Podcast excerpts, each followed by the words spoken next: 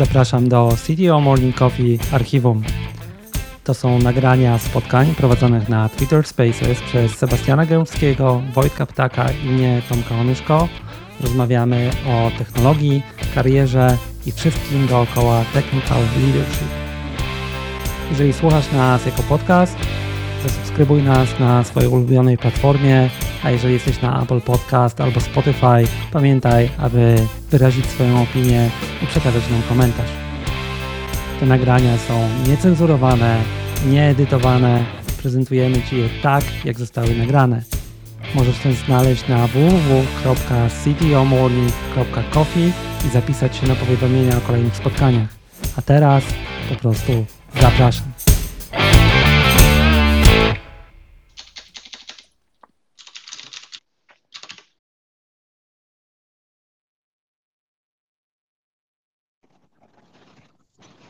Dzień dobry wszystkim. Sprawdzam, czy mnie słychać.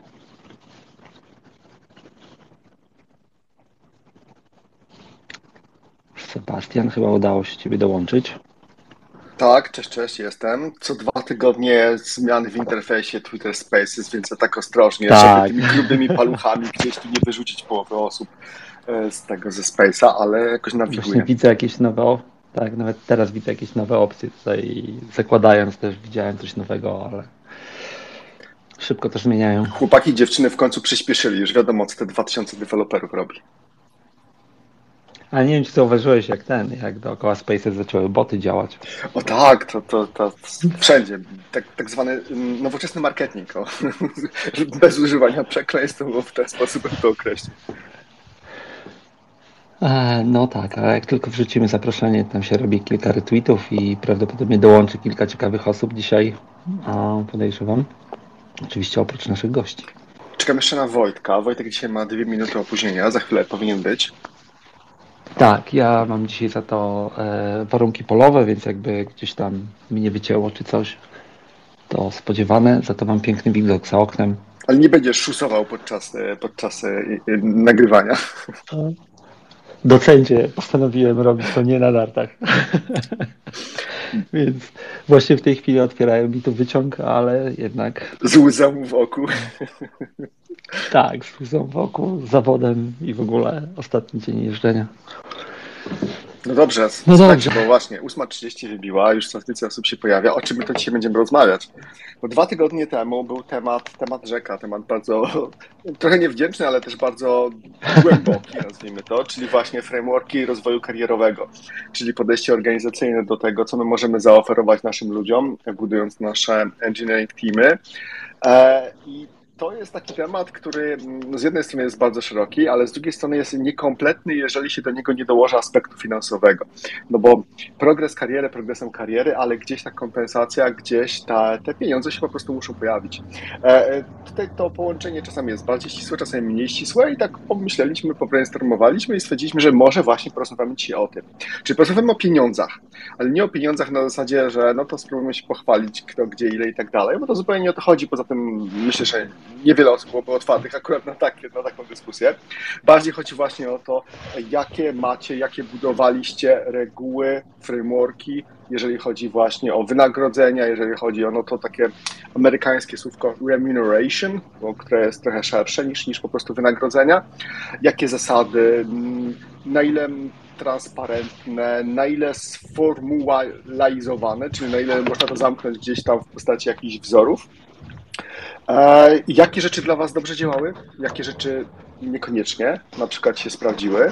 E, jak to wyglądało, jeżeli chodzi o kwestię autonomii? Czyli na przykład, czy to są rzeczy, którymi Wasi engineering liderzy chcieli się zajmować, zajmowali się, chętnie to przyjmowali? Czy może to są takie tematy chętnie zrzuc- zrzucone na tak zwany HR? I jeszcze x różnych innych tematów. Widzę już Wojtka. Wojtek has requested. Spróbujemy go obsłużyć. Już go dodaję. W międzyczasie jeszcze triggeruję security. Dokładnie. Przypominając jeszcze e, zasady. E, właśnie ktoś jeszcze, jeszcze raz spróbuje. Już poszło do Wojtka.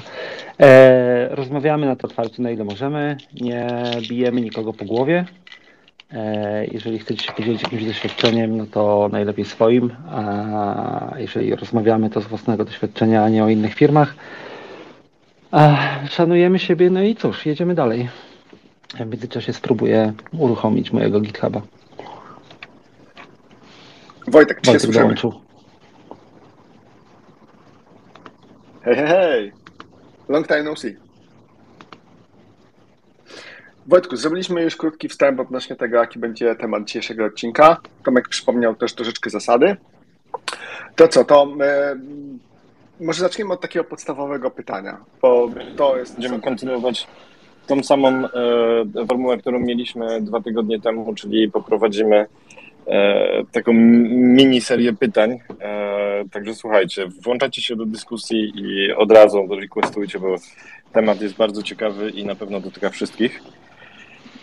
Więc słuchajcie, pierwsze pytanie do Was, tym bardziej, że Sebastian miałeś wgląd w wiele firm od środka. Salary Formula, czyli e, jak w ogóle wygląda sprawa samego wynagrodzenia E, i tutaj kilka pytań takich pomocniczych, e, składniki. O jawności sobie jeszcze pewnie porozmawiamy, ale z czego składa się tak naprawdę? Kto ustala, kto u Was w zespołach to ustala?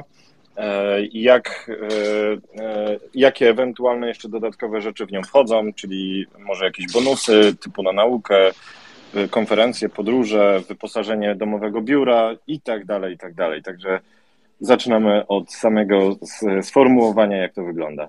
Sebastian. Okej. No i ja widziałem parę systemów, więc mogę trochę opowiedzieć o tych, które widziałem, o tych, które budowałem, bo miałem okazję budować dwa a, i o tych, które wydały mi się najbardziej interesujące, więc może wybiorę coś z tego, żeby też nie, nie mówić o, przez 30 minut. Więc ja jestem go ogólnie zwolennikiem, jeżeli chodzi o ten mechanizm Salary Formula. E, Tylko, że moje salary formula w moim zrozumieniu to nie jest taki wzór, który po prostu ktoś może wziąć, podstawić sobie wszystkie składniki, dlatego że ma wszystkie składniki pod ręką, wstawić je i poznać swoją pensję. Nie, to nie jest coś takiego. Bardziej chodzi tutaj o rozbicie pensji na pewne składniki, które pozostają mniej lub bardziej jawne i mniej lub bardziej jawne nawet do wiadomości konkretnego delikwenta, czyli osoby, która tą pensję będzie miała. E, Natomiast chodzi tutaj bardziej o takie koncepcyjne kształtowanie, z czego ta pensja się wywodzi, z czego ona wynika. I to już mówię o co mi chodzi. E, Ja akurat bardzo lubię mentalne modele, więc sobie wszystko staram dzielić jak na praktycznie jakimś stole chirurgicznym. Więc jak dla mnie wartość osoby, której mam zapłacić jakieś pieniądze, to nie jest po prostu jedna wartość, tylko ona wynika z kilku różnych czynników.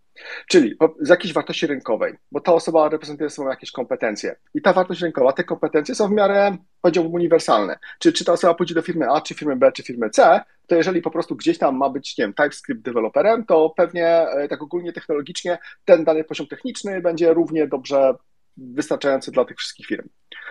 Albo równie dobrze sprawdzał się w tych wszystkich firmach. E, Kolejnym takim składnikiem jest już wartość specyficzna dla firmy. Czyli na przykład, jeżeli ktoś już w danej firmie był przez kilka lat, to nabrał doświadczenia z tymi procesami, z tym produktem, z, tymi, z tą wiedzą plemienną, która jest specyficzna dla tej konkretnej firmy. I to też ma jakąś swoją wartość. Czyli jeżeli mamy dwie osoby o identycznym potencjale, czy tam dwie osoby o bardzo zbliżonym poziomie umiejętności, natomiast te osoby e, no, w danej organizacji jedna z nich istniała na przykład przez 4 lata, a dru- dla drugiej jest to świeża organizacja, no to de facto również e, wartość tych osób z perspektywy tego pracodawcy jest inna, więc to powinien być trochę inny składnik właśnie w ramach takiego salary formula. E, Inny jakiś taki typowy składnik, który też często się pojawia, to są premie za rolę i odpowiedzialności. Czy jeżeli ktoś bierze na siebie jakąś odpowiedzialność, jakiś accountability i w firmie potrafimy to wyegzekwować, czyli podchodzimy do tego bardzo poważnie, to to accountability też powinno być w jakiejś formie premiowane. Trzeba uważać na patologię, żeby to nie było tak, że ludzie biorą na siebie milion różnych rzeczy tylko i wyłącznie po to, żeby zarobić dodatkowe parę złotych. Ja właśnie będę chciał się do tego odnieść za chwileczkę i Mhm. zadać kilka pytań. Jasne, jasne, jasne. E, oprócz tych takich e, trzech składników, o których teraz powiedziałem, one są w miarę oczywiste, można jeszcze wyróżnić kilka innych, które w różnych firmach się pojawiają albo nie. Czyli na przykład składnik od zespołu, a, czyli e, możliwość, e, w której koledzy wynagradzają swoich kolegów, to koledzy, koleżanki, mniejsza o to. E, generalnie chodzi o to, żeby te pieniądze były może bardziej symboliczne niż jakieś takie super e, substantial, ale bardziej chodzi o to, że to jest dodatkowy motywator. Jeżeli dodaje się, dostaje się pieniądze w formie uznania od współ e, plemieńców, to tak naprawdę te pieniądze mają znacznie większą wagę już dla naszego ego, dla naszej takiej motywacji bardziej wewnętrznych. To jest taki mały trik, który się dosyć fajnie sprawdza.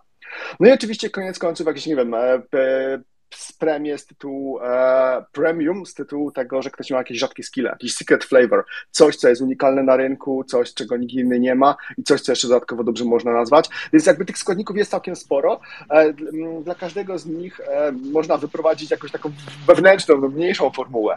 E, to się oczywiście może być bardzo, bardzo skomplikowane gdzieś tam na jakimś pewnym etapie. I to, co jest ważne, co powiedziałem na początku, że nie wszystko musi być jawne, to jest ważne, ale pewne rzeczy powinny być. Czyli na przykład z rzeczy, których ja na przykład zwykle komunikowałem, to było to, czego, się, czego oczekiwać w związku z tym, że będzie się w danej firmie przez kolejny rok, pomijając ten swój własny wzrost organiczny, czyli przez, z tytułu takiego samego tenure, z tytułu samego stażu.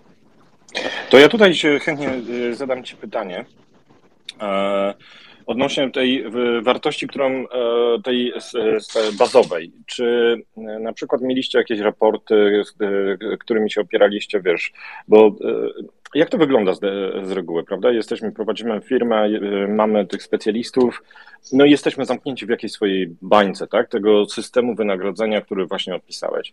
I teraz, mhm. czy benchmarkowaliście się na przykład jakimiś raportami lub, nie wiem, crawlowaniem ofert pracy, żeby zrozumieć, jakie w ogóle widełki są aktualne? Tak z ciekawości?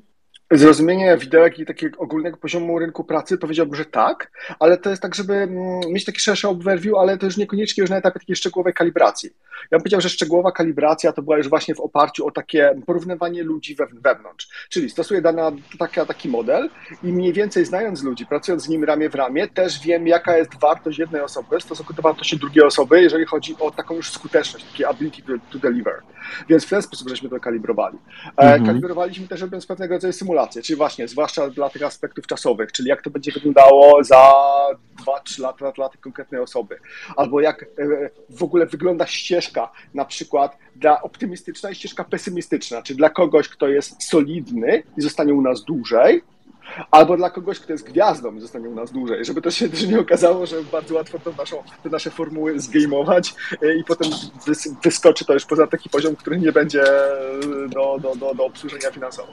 No lub zrodzi się taki bardzo niebezpieczny mechanizm prom promowania, prawda, przez wynagrodzenie. Jeszcze ja bym tak. tylko... Aha, wetnę się trochę... E bo to jest, wiesz, to co powiedziałeś, to już są szczegóły też techniczne, nie? Czyli jak to układałeś, bo też takie było pytanie. Dobrym pytaniem jest w ogóle, po co te formuły powstają w jakiś tam sposób, nie? No bo one mogą mieć różne cele i wiesz, mm, i myślę, że te cele się różnią w zależności od organizacji i też od e, maturity, tak jakby organizacji, nie? Czyli dojrzałości, no bo ja wiem, jak my robiliśmy na początku, to było YOLO, nie? E, dopiero potem E, zaczęliśmy coś tam układać w firmie i dlaczego? Bo chcieliśmy mieć ten problem z głowy, nawet nie to, że promować coś i tak dalej, tylko po prostu wiesz, żeby mieć tą framework do rozmowy, nie? No ale wiesz, są firmy, które robią to tak, że po prostu e, robią te formuły po to, żeby uniknąć w ogóle tej rozmowy, nie? E, I i e, żyję bardzo głośnego i przy, publicznego e, przykładu Basecamp, nie? Że oni mówią, Płacimy według Chicago, nieważne gdzie mieszkasz, więc nie mamy rozmowy na temat skąd jesteś, jak jesteś i tak dalej. E, płacimy według naszego baseline'u, tak? Albo ci się to podoba, albo nie. E, bo jak ktoś mieszka w San Francisco, to Chicago może nie być dla niego e, atrakcyjne, nie? Więc e, to jest też ciekawe, może jak ktoś się podzieli, e, bo ty powiedziałeś właśnie, te, te, te przykłady, które pokazywałeś, były mocno nastawione na to, jak zbudować karierę czy, czy sposób motywacji ludzi do wzrostu i jak budować ich pensje i tak dalej, w zależności od jaką wartość mają w firmie i tak dalej, i tak dalej, nie? Ale są różne I w zależności na co chcesz stawiać nie? i w zależności na co chcesz tak, stawiać, bo to jest tak, ważne. Tak. E, no bo e, dokładnie, nie? Bo to może być tak, że e, używa, znaczy, bo można to tak sformułować, że chcesz pokazać tą ścieżkę, która jest preferowana w firmie na przykład, nie? E, a można to tak zrobić, żeby zaciągać top talents, a resztę wypluwać, nie? A można to tak zrobić, żeby być jakimś tam odnośnikiem na rynku też, nie? Tak, co do tego, co Wojtek jeszcze powiedział, czy zapytał się, to ja się podzielę dwoma takimi rzeczami, czyli jak robić kalibrację takich rzeczy. Ja spotkałem się z jednym podejściem, a, bo na przykład my tam robimy jakiś przegląd raportów i tak dalej resztę roku, nie? Ja spotkałem się w jednej z firm, e, w której pracowałem z takim podejściem, że generalnie raz do roku była brane, wiesz, raporty dookoła z rynku, była ustawiana jakaś tam mm, mediana, nie? e, i tam był jak, na jakim poziomie, jakie są płace i tak dalej. I potem było powiedziane, płacimy lepiej niż 75% na rynku firm, nie? Czyli generalnie są na rynku firmy, które są lepsze od nas, są firmy, które są gorsze od nas, jeżeli chodzi o wynagrodzenia, ale nie chcemy być tymi najlepiej płacącymi. Nie? I to był na przykład taki punkt odcięcia, że zawsze znajdziesz kogoś, gdzie możesz iść, jeżeli e, wynagrodzenie jest dla ciebie ważne, ale wiesz, że jesteś powiedzmy zawsze na tym poziomie gdzieś, nie? To jest bardzo ciekawe, co mówisz, bo e, z mojego doświadczenia raporty e, na przykład nie, nie bardzo często nie mają punktu odniesienia do ofert pracy. W, sen, w tym sensie, że raporty bardzo często, słuchajcie, po pierwsze nie mają ról, które istnieją w waszych zespołach bardzo często. A mój przykład był taki, że pamiętam, jak w jednej z firm e, potrzebowaliśmy widełki dla nowych ról, które były współsponsorowane przez NCBR e, i NCBR wymagał od nas e, widełek z raportów. Nie było tych ról w raportach. Między innymi tam chodziło o big data deweloperów, machine learning inżynierów i tak dalej, i tak dalej. To jest e, moja pierwsza obserwacja.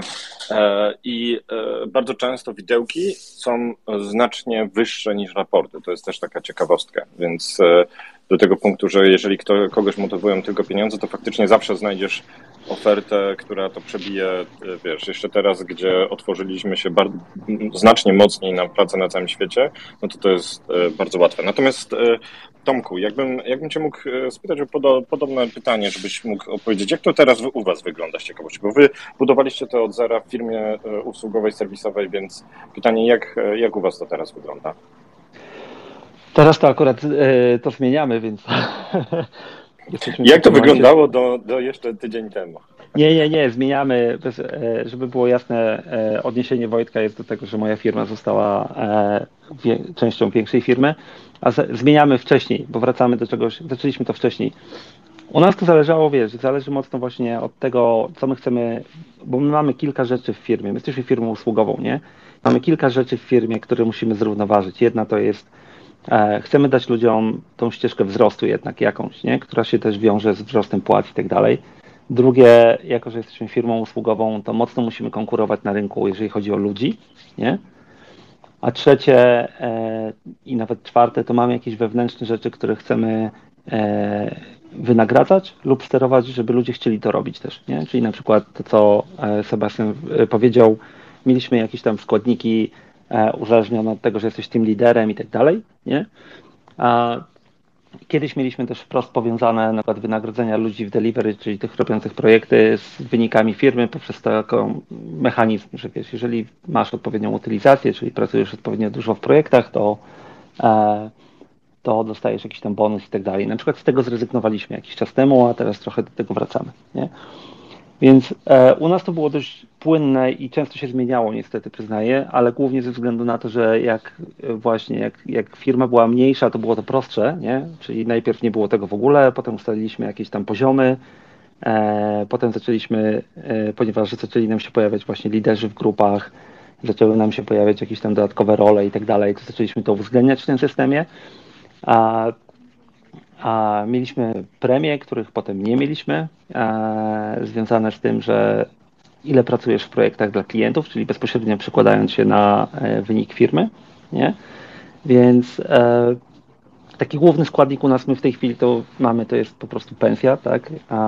Która zależy od tego, na jakim jesteś poziomie. E, nie od wysługi lat, ale na poziomie tak jakby seniority. Na takim seniority mamy e, typowe widełki, E, I dodatkowo tam są składniki różne, które są zależne od tego, czy jesteś tym liderem, czy nie jesteś tym liderem i tak dalej, i tak dalej. Nie? Super, dzięki. Um, słuchajcie, teraz y, pytanie y, jeszcze takie uzupełniające.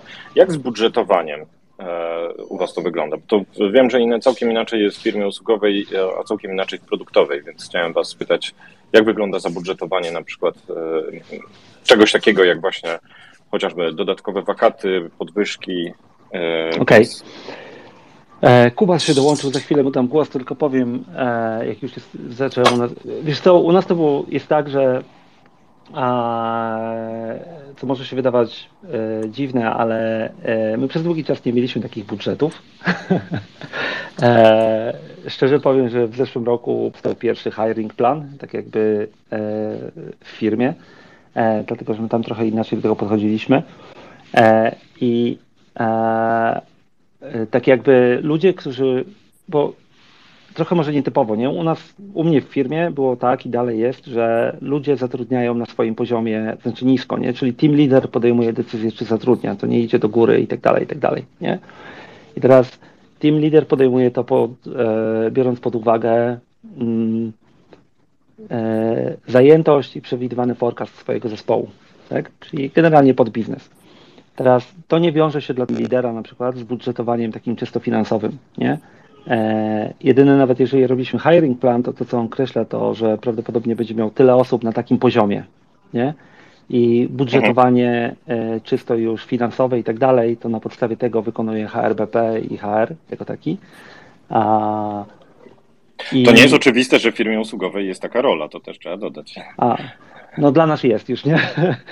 My w to zainwestowaliśmy mocno a, jakiś czas temu, też właśnie po to, żeby y, ci ludzie, którzy za to odpowiadają, dostali wsparcie nie? Super. E, w tych częściach. E, więc tak jakby na poziomie team lidera i tak dalej, e, tak, masz budżet, wiesz ile ludzie zarabiają i tak dalej, ale nie jesteś wprost, to nie jest tak, że masz budżet i w ramach tego budżetu masz, masz zatrudniać, czy dawać premie i tak dalej. To jest pilnowane globalnie na, na poziomie HRBP, HR, tak. Kuba, Cześć Kuba. Cześć. Ja mam takie pytanie. W większości, poradników na temat tego, jak ustalać y, tą zmienną część wynagrodzenia, czyli jakieś bonusy, e, wspomniane jest to, że istotne jest, żeby ta osoba, która jest premiowana, miała wpływ na, na to, żeby to, co ona robi, rzeczywiście, żeby mogła maksymalizować pewne, pewne wartości, nie? żeby swoimi akcjami mogła maksymalizować swoje, swoje bonusy. E, ty wspomniałeś, że w firmie Tomek e, konsultingowej, usługowej uzależniacie albo uzależnialiście bonusy od e, utilization rate. A czy jest tak, że konsultanci rzeczywiście mają pełny wpływ na swój utilization rate? Znaczy wiesz co, to utilization rate nie był jedyną rzeczą, nie? E, czyli generalnie tam jeszcze w systemie istnieje coś takiego, bo e, jest kwestia czy było, nie? Jest kwestia wykonywania, czy tam planowania sobie jakichś działań na poziomie firmy i tak dalej, i tak dalej. Czyli tam mamy system OKR i wiesz, ludzie robili to i tam było uzależnione, też musisz, znaczy powinieneś zrobić jakiś tam improvement, tego typu rzeczy. A, I tak, y, rok temu, o ile pamiętam, my wyszliśmy z tego, y, z tego powodu, że właśnie to był ten głos pod tytułem nie mamy na to wpływu, nie? Z drugiej strony, wiesz, i to jest ten telewary, który trzeba równoważyć. No bo jeżeli jesteś w firmie usługowej, nie? I masz człowieka, który e, powiedzmy, jak to brzydko brzmi, ale jest zutylizowany na 50%, nie? To znaczy, że efektywnie e, firma nie zarabia, tak? Teraz to nie jest jego odpowiedzialność, żeby mieć tą utylizację, nie? E, ale z drugiej strony, no my mamy, prowadzimy to trochę inaczej. My chcemy, żeby ludzie aktywnie brali udział w, tak jakby w generowaniu tego. E, ale po przemyśleniu wtedy faktycznie z tego wyszliśmy, na, e, generalnie zrobiliśmy bump na pensjach, zmniejszyliśmy tą część bonusową, żeby ludzie nie mieli tego, że ok, to to ode mnie nie zależy, a ja jestem z tego rozliczany, nie? Mhm. Jestem bardzo ciekaw, Sebastian, z twojego doświadczenia, e, bo też właśnie, też w sumie jesteś w pewnym sensie w firmie usługowej. Wiesz co, jeżeli chodzi o moje doświadczenie z firmy usługowej, właśnie z takiej roli mm, konsultanckiej, to ja pamiętam, byłem w bardzo dużej firmie, która pod tym względem działała w sposób e, dosyć prosty, e, ale tam tak naprawdę miałem dwie metryki. E, I te dwie metryki, takie podstawowe, to było to, co nazwaliście utylizacją, czyli to się nazywało chargeability, a druga to była sprzedaż. A sprzedaż może w ogóle brzmi jakoś tak drastycznie, że jak to inżynier, że jakiś inżynierowie sprzedaż, o co to w ogóle chodzi? I rzeczywiście takie argumenty się na początku pojawiały, że no jak to, ale na przykład na takie chargeability my nie mamy wpływu, ale to też nie jest do końca prawda, bo mm, gdzieś pośrednio poprzez x różnych czynników my ten wpływ de facto mamy. Dlatego, że jeżeli, jeżeli to nasze chargeability spada poniżej pewnej wielkości, no to trzeba się zastanowić czemu. Ono może spadać dlatego, że no po pierwsze nikt nie chce z nami pracować. A po drugie, nasze wyniki, nasza skuteczność wcześniej była na tyle słaba, że nikt nie uważa, że my gwarantujemy dostarczenie czegoś, albo że są inne osoby, które są preferowane. Możemy, żeśmy przekroczyli nasze, naszą wartość versus naszą stawkę. Czyli na przykład e, mamy taki poziom skilla, że warto wziąć kogoś tańszego, który ma podobny poziom skilla, co też powinno się w jakiś sposób wyregulować w tym e, automatycznym mechanizmie. E, no, długo by tak można gdybać, natomiast gdzieś to jakieś konsekwencje ma. E, także e, to wbrew pozorom, ta jedna prosta metryka, ona czasem się wydaje za prosta, ale mimo wszystko no, na, na, na takich metrykach ta firma działała. Działa chyba z tego co wiem dalej. Wiesz co, to jeszcze tylko dodam, bo mamy inny zestaw, e, tak jakby metryk i tak dalej dla ludzi, którzy generują biznes nie? i oni mają po prostu powiązane z profitem firmy, ale dlaczego my mieliśmy też tą utylizację czy ten w tych metrykach? Bo my chcieliśmy trochę właśnie wywołać to, żeby ludzie myśleli o tym, nie?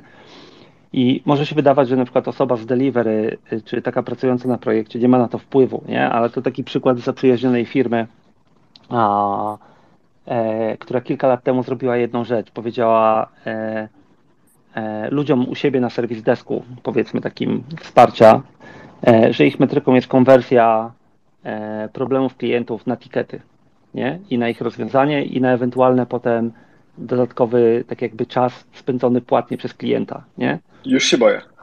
Nie, i to super zadziałało. Dlaczego? Bo, e, bo firma generalnie, żeby nie było, żeby było jasne, wszystkie firmy usługowe zarabiają na serwisie. Tak jak każda serwis samochodów i tak dalej, i tak dalej, nie?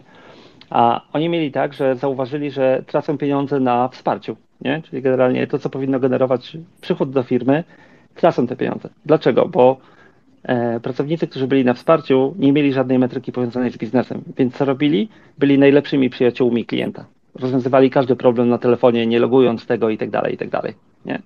Klient był totalnie zadowolony, e, ale firma generalnie miała ujemny wynik na serwisie. Nie?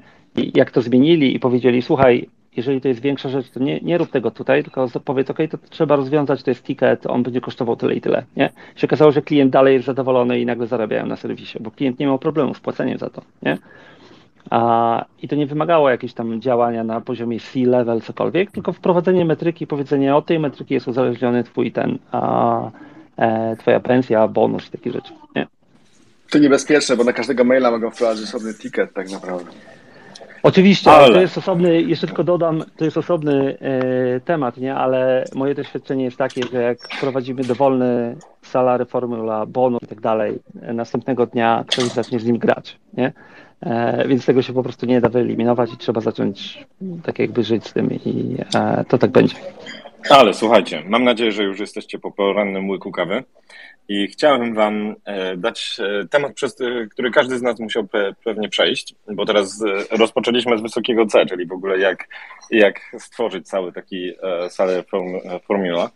Natomiast chciałem wrócić do sytuacji i wywołać dyskusję, mam nadzieję. Także zapraszamy, żebyście się podzielili, bo to też jest ważne dla liderów, liderów i liderów ze całych zespołów.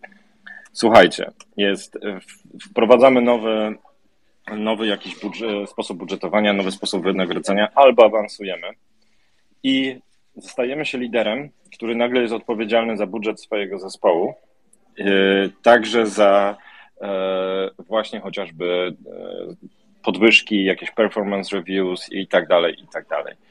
I teraz pytaniem, które ja bym sobie wtedy oczywiście zadał, jako osoba, która tak ląduje w takiej sytuacji, to jak do tego podejść jak rozgraniczyć bycie liderem i w pewnym sensie kumplem tego zespołu, szczególnie jeżeli byłem e, awansowany z tego zespołu, a faktycznie tym, że to jest narzędzie, które służy też do motywacji zespołu. Tu chciałem się dowiedzieć e, Waszego doświadczenia. No to ja no, wejdę i powiem... temat.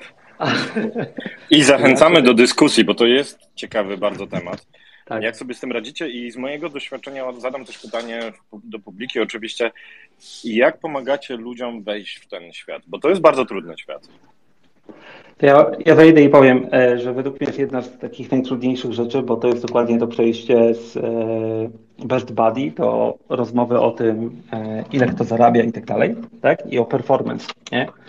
I z moich obserwacji ludzie, w szczególności, którzy awansują z takich ról czysto technicznych do ról liderskich, gdzie zaczynają mieć tą odpowiedzialność, to duża ich część ma z tym problem, nie?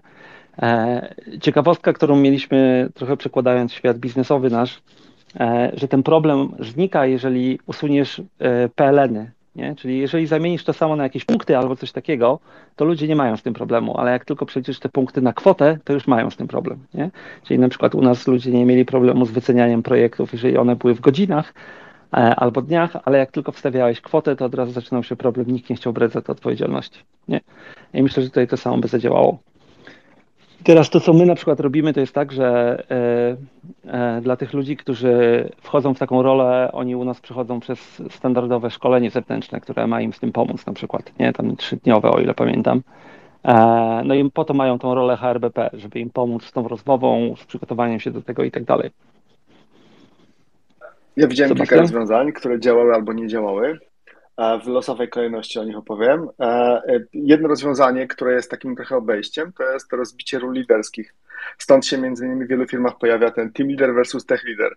Czyli tech leader to jest ten, co tylko za technologię, reszty nie dotknie, bo chce być ziomalem.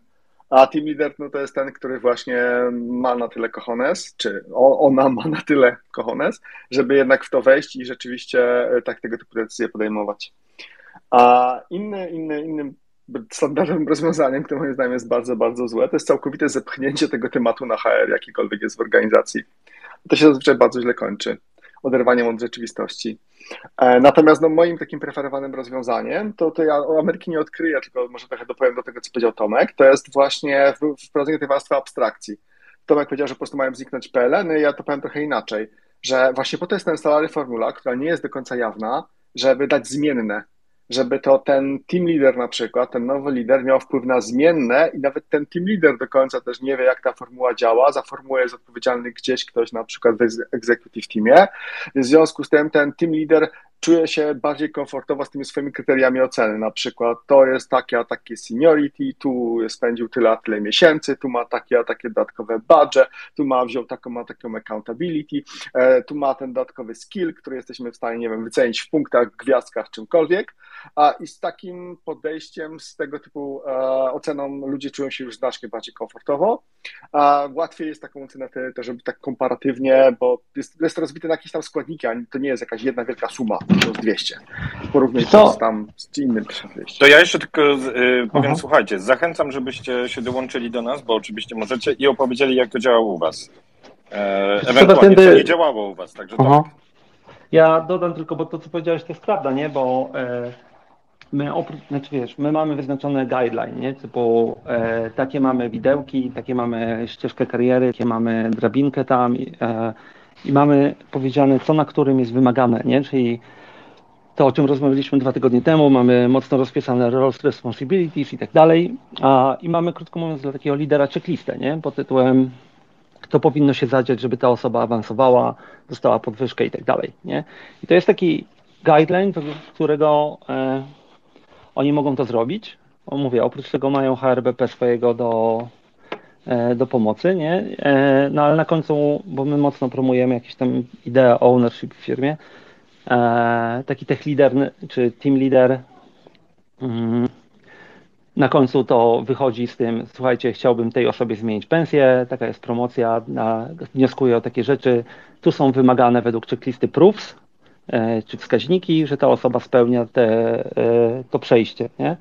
E, I nawet wczoraj ogłaszaliśmy, bo teraz przechodziliśmy przez to, nie? wynikiem jest tego, że na przykład w tym kwartale tam 22 osoby zostały promowane, a ileś tam więcej osób dostało podwyżkę w firmie i to chyba jest najwyższy tam kwartał, w jakim to zrobiliśmy. Gdzie tu jest zagrożenie swoją drogą, które się wiąże trochę z tym te, E, best buddies i tak dalej, że wiesz, że jeżeli nie nałożysz na to jeszcze jakieś check, checks and balances, nie, no to pojawia się takie, nie no, to dajemy wszystkim podwyżki, nie? E, I to jest to, bo jestem miłym człowiekiem, wszystkim dam podwyżki, będzie fajnie, wszyscy mnie będą lubić, nie?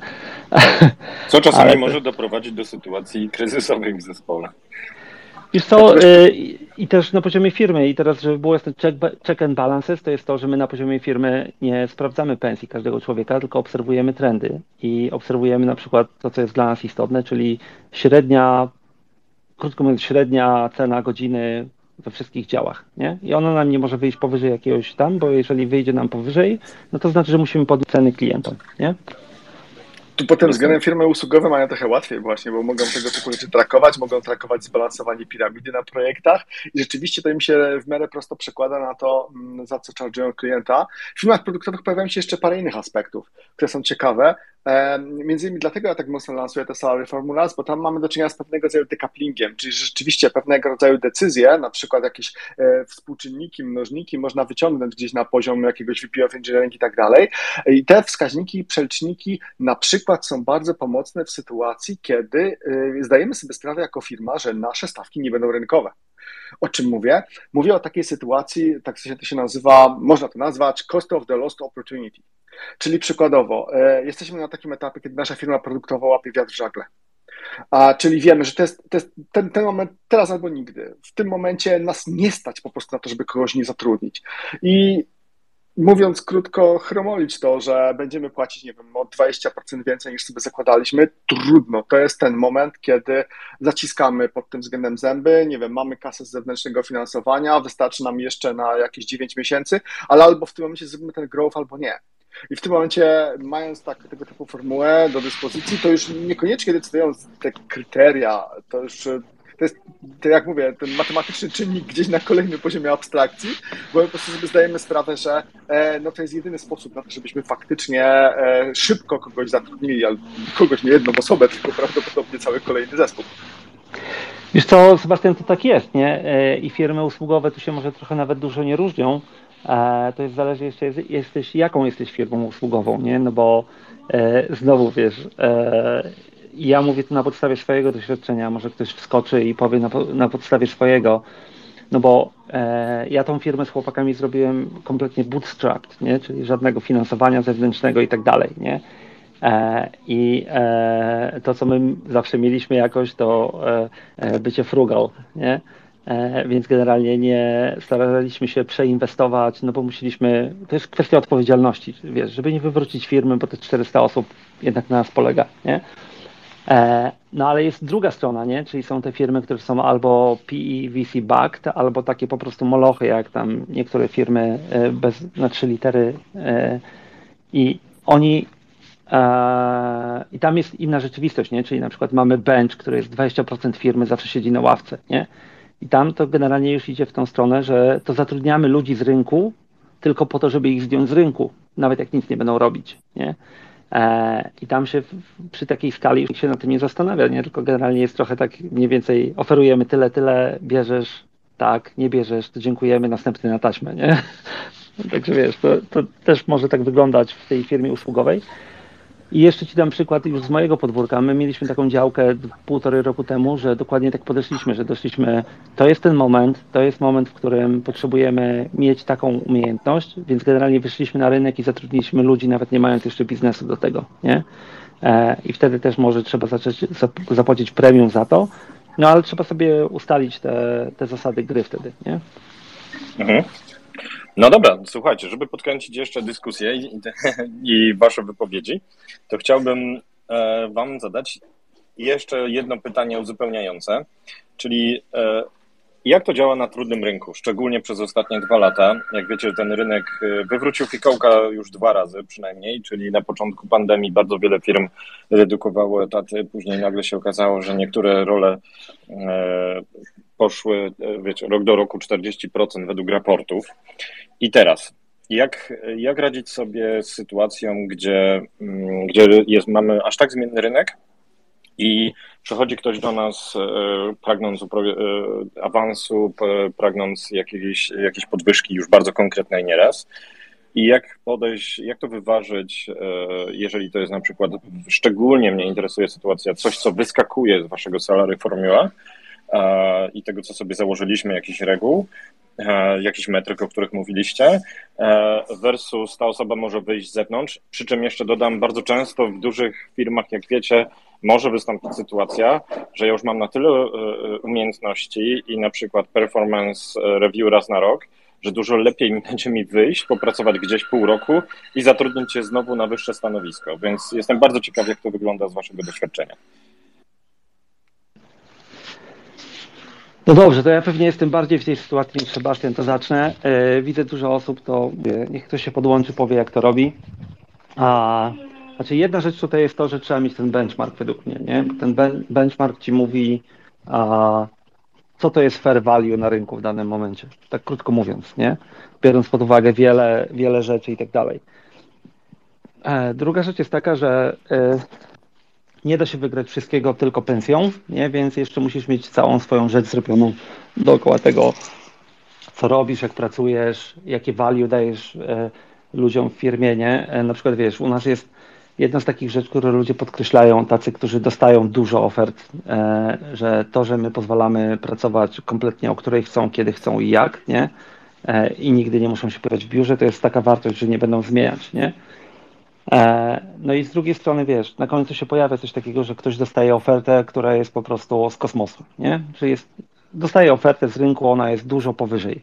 Więc wtedy to jest indywidualnie, można porozmawiać, ale to jest ślepa uliczka, nie? To znaczy, jeżeli to jest taka oferta, że ty nie jesteś w stanie jej zmieścić w swoich widełkach, e, zagrać regułami w firmie, to e, to robienie wyjątku dla tej jednej osoby na przykład to jest bez sensu, nie? Czasami trzeba powiedzieć, ok, to let go, bo e, były takie sytuacje, że wiesz, ktoś dostawał ofertę z rynku 2x, to co my jesteśmy w stanie zaoferować, nie? I po prostu my nie możemy do tego doskoczyć, bo to jest ekonomicznie nie, nierealne dla nas, nie? I mhm. wtedy, ok, rozmawiamy o rolach, rozmawiamy o tym, słuchaj, możemy ci podnieść tyle, e, ale z tym się będą wiązać jakieś tam inne odpowiedzialności albo inny model pracy, oferujemy Ci takie i takie benefity. Bardzo byśmy chcieli, żebyś tu został, ale na końcu takie są realia, nie? Czyli takie zaopiekowanie się, zaopiekowanie się kimś e, na różnych poziomach i oferta e, nie tylko tak, z wypłaty tak. wynikająca taką dodatkowych możliwości rozwoju, wpływu pewnie na firmę nieraz. Wiesz co, no bo salary i pieniądze muszą się zgadzać. Ja uważam, że praca to jest dwustronna rzecz, nie? To jest kontrakt na końcu. A wiesz, jeżeli ja jestem ownerem, to oczywiście jestem bardziej zainwestowany, ale ja rozumiem, że, e, że e, to jest kontrakt tej osoby i to się musi zgadzać, nie?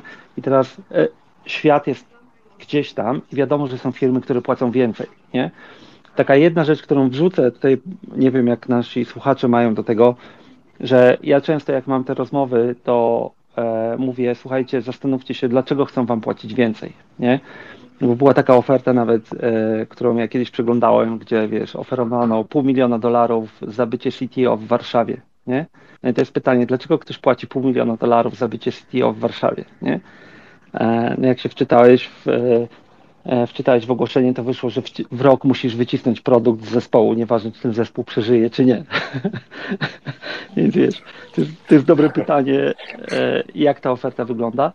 I też taki częsty, y, częsta rozmowa, która wtedy się odbywa, w szczególności w tej chwili na rynku e, w Polsce, to jest zrozumienie porównania tych ofert, nie? Bo bardzo prosty przykład dam na przykład od, z mojego podwórka. My oferujemy pełne e, świadczenia, tak jakby urlop, niezależnie co się dzieje, nie? Czyli jak jesteś zatrudniony i tak dalej, nie? I wiesz, potem nagle ktoś dostaje ofertę, która jest ileś wyższa i się pytasz, ok, a ile masz urlopu? No nie ma, nie? To teraz jest pytanie, czy chcesz mieć te 26 dni wolnego w umowie, czy chcesz je brać ze swojej pensji, nie? Mhm. E, bo jeżeli my ci zabierzemy 26 dni urlopu wliczonej w twoją pensję, to tak, możemy przebić tamtą ofertę, nie? To tak po prostu, mhm. to jest kwestia porównania często też tego, co się, co widać na rynku, nie? Odnośnie takiej sytuacji, to powiem przekornie, że tam, gdzie mi się najlepiej udało sprzedać tą całą ideę Salary Formula, to ludzie nie przychodzili z czymś takim, że chcą więcej pieniędzy. Oni przychodzili z inną narracją i to uważam za duży sukces. Oni przychodzili z narracją, co ja mogę zrobić, żeby dostać więcej pieniędzy. To jest drastyczna różnica. Nie daj mi X, tylko e, jakie kryteria muszę spełnić, żeby dostać, żeby, żeby to X dostać. I dla mnie to było, to była drastyczna zmiana, jeżeli chodzi o konwersację, bo w tym momencie faktycznie mogliśmy konstruktywnie rozmawiać o, o planie rozwoju i to się w tym momencie, tak naprawdę ten cały cel tych naszych frameworków, on się w tym momencie realizował. I to, to jest taki to, jeden pierwszy bardzo ważny punkt. Mhm. To ja tylko, tylko się wtrącę. To, co mówiłem, to jest bardziej sytuacja, gdzie faktycznie, wiesz, ktoś dostaje taką ofertę, że sam przychodzi i mówi tak, to tutaj fajnie, a, ale po prostu dostałem taką ofertę, że ona jest nie do odrzucenia, nie? Albo ten, i wtedy jest ok, no to my mamy tą rozmowę wtedy, słuchaj, to możemy ją zmaczować, ale na przykład jak weźmiesz odpowiedzialność za to, nie? No tak, tak, to takie no. sytuacje zawsze zdarzają, to tak mówię, niektórzy, są inne firmy, które mogą mieć ten cost of the lost opportunity i w tym momencie nie da się z tym walczyć. Ktoś może faktycznie przyjść i literalnie przelicytować nas dwa razy. E, I na to się tylko można zabezpieczyć w jeden sposób, czyli po prostu nie mając ludzi e, niezastąpionych I, i to się tak mówi, jest taki slogan, niewiele firm jest na to gotowych, niewiele firm umie w ogóle wypracować taki mechanizm, żeby nie mieć ludzi niezastąpionych. E, akurat uważam, że mój obecny pracodawca pod tym względem jest naprawdę niezły, co czasami mnie lekko przeraża, e, natomiast to akurat nieźle działa. E, innym jakby sposobem przeciwdziałania, takim bardziej powiedziałbym reaktywnym, to jest po prostu ciągła rekrutacja to jest właśnie już związane z tym zapewnieniem tego, że ludzie nie są niezastąpieni a, i takie odpowiednie podejście też do tej rekrutacji. Natomiast e, wydaje mi się, że e, jeżeli chodzi o te kwestie finansowe, to żeby umieć w takiej sytuacji zachować, faktycznie coś sensownego zaproponować, to trzeba mieć dobre rozeznanie, jeżeli chodzi o motywację danej osoby. Mhm. Jeżeli ktoś po prostu przychodzi i mówi, że chce mieć to X i tylko to X jest dla niego ważne, to też tak naprawdę zaproponowanie tych X, jeżeli te motywacje są tylko i wyłącznie finansowe, ja nie wiem, czy ta osoba się będzie dobrze czuła w firmie. Znaczy, znam takie firmy, w których ja pracowałem, które ja rozwijałem, gdzie ta osoba nie czułaby się dobrze, będąc zmotywowana tylko i wyłącznie przez pieniądze. To już dam, więc... e, dam Kubie coś powiedzieć, poczeka, ale do tego ostatniego, co powiedziałeś. Ostatnio miałem dokładnie taką sytuację w firmie, że przyszedł chłopak i powiedział, że e, rozważa odejście i moje pierwsze pytanie było, czy to jest tylko, jeżeli chodzi o pieniądze, tak? Bo jeżeli twoją motywacją są tylko pieniądze w tym momencie, to nie mamy o czym dalej rozmawiać, tak? Ale nie to dlatego, że, e, że ja nie chcę z nim rozmawiać, tylko jeżeli to jest tylko to, to ja nie mogę ci nic zaoferować, bo tam masz więcej, albo inaczej, albo coś. Ale jeżeli są inne rzeczy, to porozmawiajmy. Kuba, stoisz w kolejce już chwilę. Cześć Kuba. Cześć, cześć. Ale nie, to spokojnie, bo chyba temat trochę poszedł w innym kierunku, a ja tam chciałem nawiązać do tego, co powiedziałeś wcześniej. E, czy nawiązując teraz do, do aktualnej rozmowy, no ogólnie jest chyba takie powiedzenie, że jak się pracuje, to się pracuje albo dla wiedzy, albo dla kasy, tak? Więc e, albo się jesteśmy gdzieś, bo czegoś chcemy się nauczyć i się rozwijać, albo po prostu naszym celem jest e, zrobienie kasy. Pracowanie w jakimkolwiek innej formie przeważnie mija się z celem, tak? Nie zgadzam coś... się, ale to tak nawiasem mówiąc. Nie zgadzasz się, czy się zgadzasz? Nie, nie zgadzam, a powiem, powiem dlaczego. To, to ja, za, słuchajcie, to ja to łapię, złapię niezgadzanie się i zaraz do tego się odniosę. Kuba. Tak. Dobra. E, to kwestia jest tego, że e, ja pracuję e, zdalnie i dla różnych e, firm od bardzo e, dawna i po prostu to, co Piotr, sorry, Tomek, ty powiedziałeś, że ludzie w ogóle nie myślą o tym, że nagle nie ma urlopów i tak dalej, no to jest chyba po prostu brak edukacji na polskim rynku, jeżeli chodzi o oferty kontraktorskie, tak? Wy jako firma dajecie naprawdę niesamowite opcje, że macie te benefity, jednak większość firm tego nie daje ale to też można sobie łatwo przeliczyć i wystarczy sobie policzyć, że ile jest 26 dni, minus 26 dni razy e, moja dzienna stawka, minus ta pensja rocznie i to wychodzi finansowo podobnie, tak? E, ale rzeczywiście takie benefity jak praca, o której chcesz, gdzie chcesz, skąd chcesz, e, jak chcesz, powoduje, że ciężko jest to przebić podobną, przynajmniej podobną finansową ofertą, E, ale jak są benefity się nie zgadzają. Ja już w tym momencie mówię przeważnie, jak rozmawiam z jakąkolwiek firmą, musi być remote first i musi być e, o której chcę, jak chcę, gdzie chcę. Jeżeli tego nie jesteście w stanie mi zmaczować, to nawet nie ma sensu rozmawiania o dalszych aspektach, e, bo to jest dla mnie w tym momencie jeden z najważniejszych punktów, tak? Więc każda osoba ma inaczej, ale prawda jest taka, że rzeczywiście ludzie nie wiedzą o tym, że idąc na przykład na kontrakt za 60 tysięcy miesięcznie, to e, nie mają nam ani ubezpieczenia, ani chorobowego, ani, ani, ani dni wolnych, ale za to mają większą kasę, tak? Ale jak się to wszystko odejmie, no to wystarczy e, ciutkę mniej, a będzie tak samo dobrze na umowie o pracę, tak? Albo kontrakcie z, e, z wakacjami. To tyle chciałem, tak tej kwestii. Seba. To ja w tym momencie tak, odniosę się do tego, co powiedział Kuba. Znaczy, może najpierw jeszcze w ogóle taki mini trend, ale bo powiedziałeś Kuba, że albo kasa, albo wiedza. Jeżeli chodzi o tą kasę, to ostatnio miałem okazję przeczytać e, świeżą jeszcze książkę prosto z, praktycznie spod e, prasy e, aktualnego, jeszcze chyba cały czas CEO Snowflake'a. A, książka się nazywa It Up, dokładnie. Książka jest super. Up, no. E, Jest, jest naprawdę świetna. To jest Polecamy. książka nie o wizjonerze produktowym i tak dalej. To jest książka o gościu, który po prostu wchodzi i prowadzi firmę, o operatorze. E, I tam między innymi jest takie bardzo fajne stwierdzenie, że jak wchodzisz w karierę technologiczną, to przez pierwsze 10, uwaga, podkreślam, 10 lat, jak patrzysz na pieniądze w, w kwestiach karierowych, to to jest totalnie bez sensu pierwsze 10 lat nie powinieneś w ogóle patrzeć na pieniądze, powinieneś patrzeć na wszystkie inne aspekty, które są ci pomocne w rozwoju. I właśnie, teraz już odnosząc się do tego, co powiedział Kuba, e, to, że albo kasa, albo nauka, to już uważam, że trochę, troszeczkę spłycenie, dlatego, że jest jeszcze x różnych innych czynników, które może, może zaliczasz do nauki, no ja ich, tej, nauki akurat nie zaliczam, ale właśnie e, fame, możliwość by bycia częścią czegoś, co będzie znane, co będzie rozpoznawalne, możliwość zmiany życia dla innych ludzi. Lud- Niektórych to bardzo, bardzo mocno kręci. Możliwość, możliwość zorganizowania czegoś, zbudowania czegoś od podstaw, niekoniecznie samego produktu, ale czasami właśnie jakiegoś teamu inżynierskiego. To jest też coś ludzi kręci i nie wszędzie mają tę możliwość. Także ja bym powiedział, że tych motywacji jest ich naprawdę bardzo dużo i teraz trzeba zidentyfikować tą swoją i rzeczywiście To- potwierdzić, że w danej firmie to możesz zrealizować. To ja się, To ja ja też- się mogę od... Sorry, mogę? Przepraszam. Pewnie, Kuba, dajesz. Dobra, nie, nie, kwestia jest. E, są różne motywacje, zgadza się. E, ja miałem motywację zmiany świata, robiłem wszystko, żeby. Wybierałem firmy pod względem, żeby było lepiej dla e, ludzkości i tak dalej. W tym dlatego tak samo pracuję dla organizacji ochrony środowiska.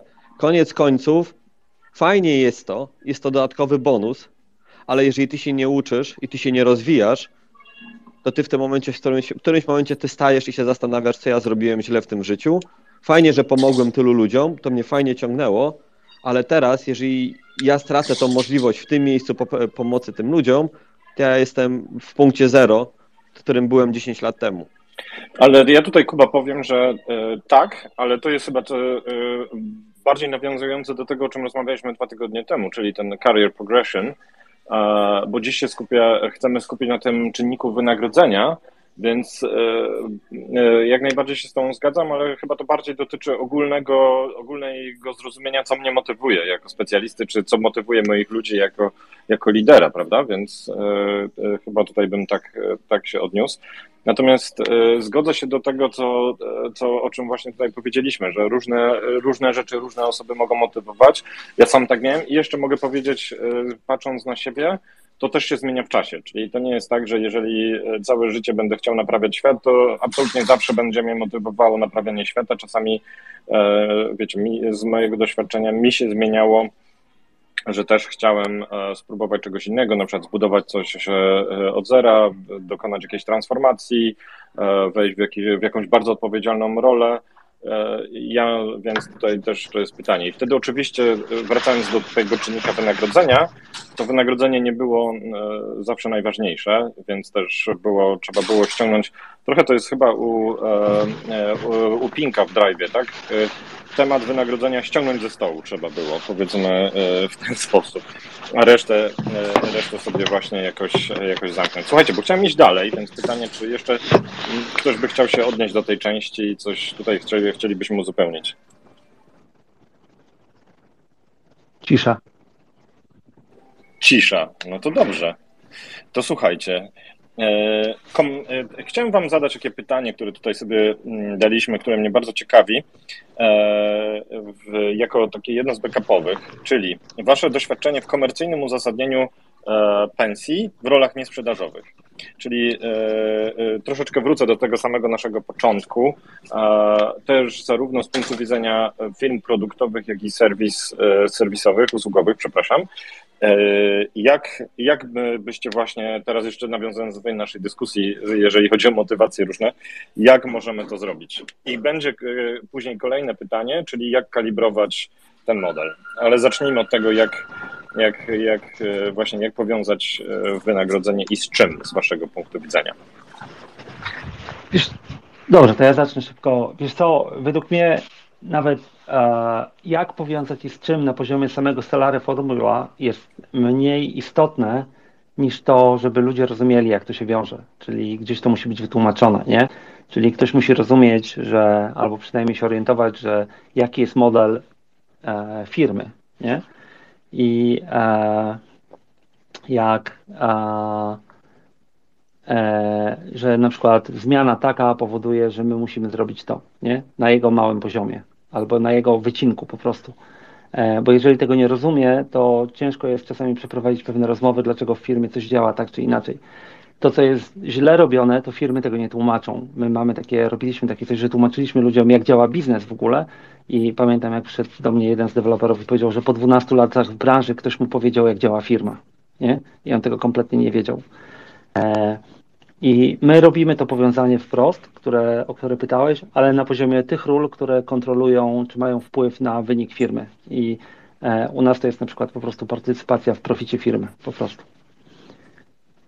Bardzo fajny Firmy pomysł. usługowe mają tutaj troszeczkę prościej, powiedziałbym, zwłaszcza jak mają jakąś konkretną stawkę, zwłaszcza te, które się zbliżają jeszcze do jakiegoś tam outsourcingu i tak dalej. Firmy produktowe to jest dosyć trudne, bo jednak nie każdy produkt ma, mm, jest w ogóle w revenue streamie i są produkty, które są niezbędne do działania, które same pieniędzy nie przynoszą. Więc ja bym powiedział, że to na pewno, na pewno czego chcemy uniknąć, to jest to, że dany deweloper, który pracuje na przykład z tą samą technologią w podobnej roli w dwóch różnych zespołach, jest inaczej e, kompensowany w zależności od tego, który produkt jest bardziej profitable e, na starcie, bo to jest, e, no to może być słabe i może powodować takie patologiczne zachowania. Natomiast e, to, co warto robić i to, co dobre firmy umieją robić, to jest no po prostu stworzenie odpowiednich KPI-ów, czy to KPI-ów wzrostowych, czy jakichkolwiek innych, ale takich, które faktycznie są specyficzne dla danego zespołu i mogą, mogą w tym konkretnym zespole ludzi motywować. E, I takie, na które rzeczywiście ten zespół ma wpływ, żeby, żeby rzeczywiście to, było, to był układ chociaż po części fair. E, No i to jest bardzo zależne od tego, co robi dana firma, od, od tego, co robi dany produkt. Daniel, dołączyłeś. Cześć, Daniel. Doceniam, że jest w środku nocy u Ciebie. w środku nocy psa prowadzę i zobaczyłem, że gadacie. Mogę pogadać trochę, jak to jest od strony produktowej, bo to robię od kilku ładnych lat. E, Z wynagrodzeniem i ustalaniem KPI-ów, czy modnych ostatnio OKR-ów. To tak naprawdę jedno i to samo. Zapraszamy. E, Generalnie jest tak, e, w dużych korporacjach, w tej, pracowałem w Microsoftie przez prawie 10 lat, tak naprawdę opracowanie KPI-ów i OKR-ów, które w, w grupach produktowych, które by, by wynikały z wyników finansowych sprzedażowych, jest właściwie niemożliwe. Bo okazuje się, że próba zmierzenia, y, jak y, jaki, jaki odnosiłeś sukces y, robiąc feature XYZ, te metryki, y, wy, koszt wyprodukowania robi się tak duży, że najzwyczajniej się nie opłaca i strzelasz w biodra i jak, jak, jak dostaniesz dobry bonus, to będzie fajnie. Y, W momencie przejścia do startupów jest troszeczkę łatwiej, bo jest troszeczkę łatwiej e, gadać z klientami, jak masz tych klientów powiedzmy 12, a nie 12 tysięcy. Więc e, w momencie, kiedy widzisz, że e, na podstawie e, requestu klienta, e, który potrzebuje dobrego arbaka albo dobrego feature'u e, i ty im dostarczyłeś i odnowili kontrakt dodatkowe dwie bańki, no to możemy wtedy tak mierzyć. Ale w dużych firmach mi się wydaje to zbliżone do niemożliwego. Nie wiem, może jakieś inne doświadczenia macie, moi drodzy, ale chodzi o to, że system, obserwowanie systemu też kosztuje. Wytworzenie metrów i OKR-ów takich, takich twardo mierzalnych, przekładanych na e, przychód, dochód i tak dalej, najczęściej jest nieopłacalne. Nie, to całkowicie prawda. Poza tym ten wpływ tak naprawdę często jest odroczony, czyli to musi wpłynąć, upłynąć sporo czasu, ten wpływ jest ciężko trakowalny i wpływy też działania wielu ludzi w, w ramach wielu różnych wymiarach one się wzajemnie przenikają. To prawda. I to Najlepszym jeszcze- trikiem do tego, żeby to w jakiś sposób ograniczyć jest po prostu zmiana metryk, czyli e, odpuszczenie tych metryk typu output, czyli tych faktycznie wynikowych, a skupienie się na tych metrykach typu input, czyli tych, które wkładasz, a co do których spodziewasz się, że one mogą mieć ten wpływ na outcome, którego nie umiesz do, do, dokładnie zmierzyć. No Ale ale to jest wtedy, nadal wtedy to jest, nieidealne. malo, wtedy to jest malo, trochę malowanie trawy na zielono, bo zgadujesz, no nie? Tak, tak. Wiecie co, tak, ale to jest, to, jest, to jest ten moment według mnie, gdzie to zrozumienie biznesu wyżej wchodzi. To znaczy, bo ja akurat znam Daniela i wiem, co robił, nie? Ale powiedzmy, jak jesteś właśnie w Microsoftie i pracujesz w e, teamie Azure AD, nie? To twój income jest z licencji premium, nie? Ale tak naprawdę wszyscy free users generują biznes gdzie indziej. nie? Bo bez tego, co robi free user w Azure AD, nie ma w ogóle income dla całej firmy, nie?